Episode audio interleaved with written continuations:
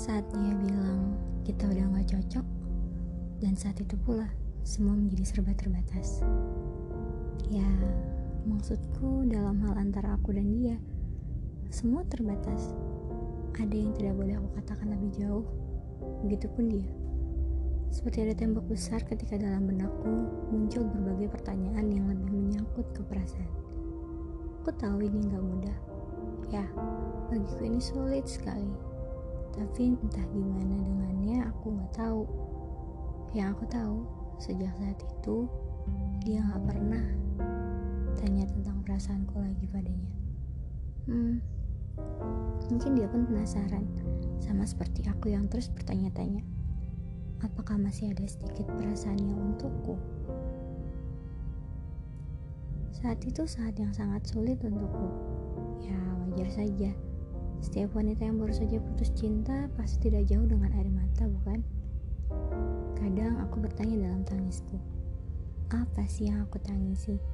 Kenapa aku harus merasakan hal seperti ini? Bukankah ini bodoh? Aku luapkan semua kesedihanku, kesedihan yang aku pun tidak mengerti mengapa aku sesedih ini. Yang pasti, rasanya begitu menyakitkan. Memang lukanya tidak terlihat, tapi terasa jelas dalam dada, tepatnya di dalam hati. Aku tidak tahu apakah dia tahu aku sesedih ini. Semuanya serba terbatas. Aku tidak sempat menanyakannya. Tapi, apakah hati mengenal arti keterbatasan? Kurasa tidak. Apa salah jika seseorang memiliki harapan? Apakah dengan harapan semua serba terbatas juga? Sekalipun harapan itu jauh sekali, aku hanya berharap semoga dia kembali. Semoga dia memberiku sedikit ruang agar dapat masuk ke dalam celah hatinya lagi. Cara aku mengharapkannya cuma bisa tunggu. Ya, nunggu dia. Apalagi sih yang bisa dilakukan wanita selain menunggu. Itu yang aku lakukan saat ini. Hmm, mungkin keadaan membaik Seiring waktu berjalan, semua menjadi lebih baik. Mungkin aku merasakan ada yang berbeda. Ya, sejak aku merasa semuanya serba terbatas. Sejak aku memutuskan untuk menunggu.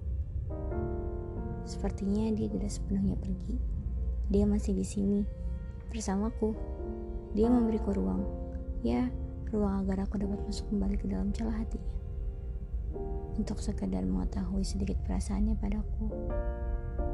Kurasa seperti ini saja lebih baik. Ya, bahagia yang diam-diam. Bahagia ketika dia masih menganggapku seseorang yang spesial untuknya. Bahagia ketika dia masih mengkhawatirkan keadaanku. Ini yang aku sebut kemesraan. Kemesraan yang diam-diam menjalar hangat ke dalam tubuhku. Kerinduan yang tak kunjung ada pertemuan, namun selalu ada saat di mana aku dan dia bertatap wajah dalam mimpi. Kehangatan perhatian yang diam-diam terselip sebagai harapan, terasa jelas walau tak terucapkan. Bahkan dalam keadaan seperti ini pun aku dan dia masih sama-sama.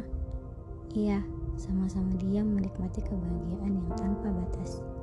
Kurasa benar, hati memang tidak mengenal keterbatasan. Menurutmu bagaimana?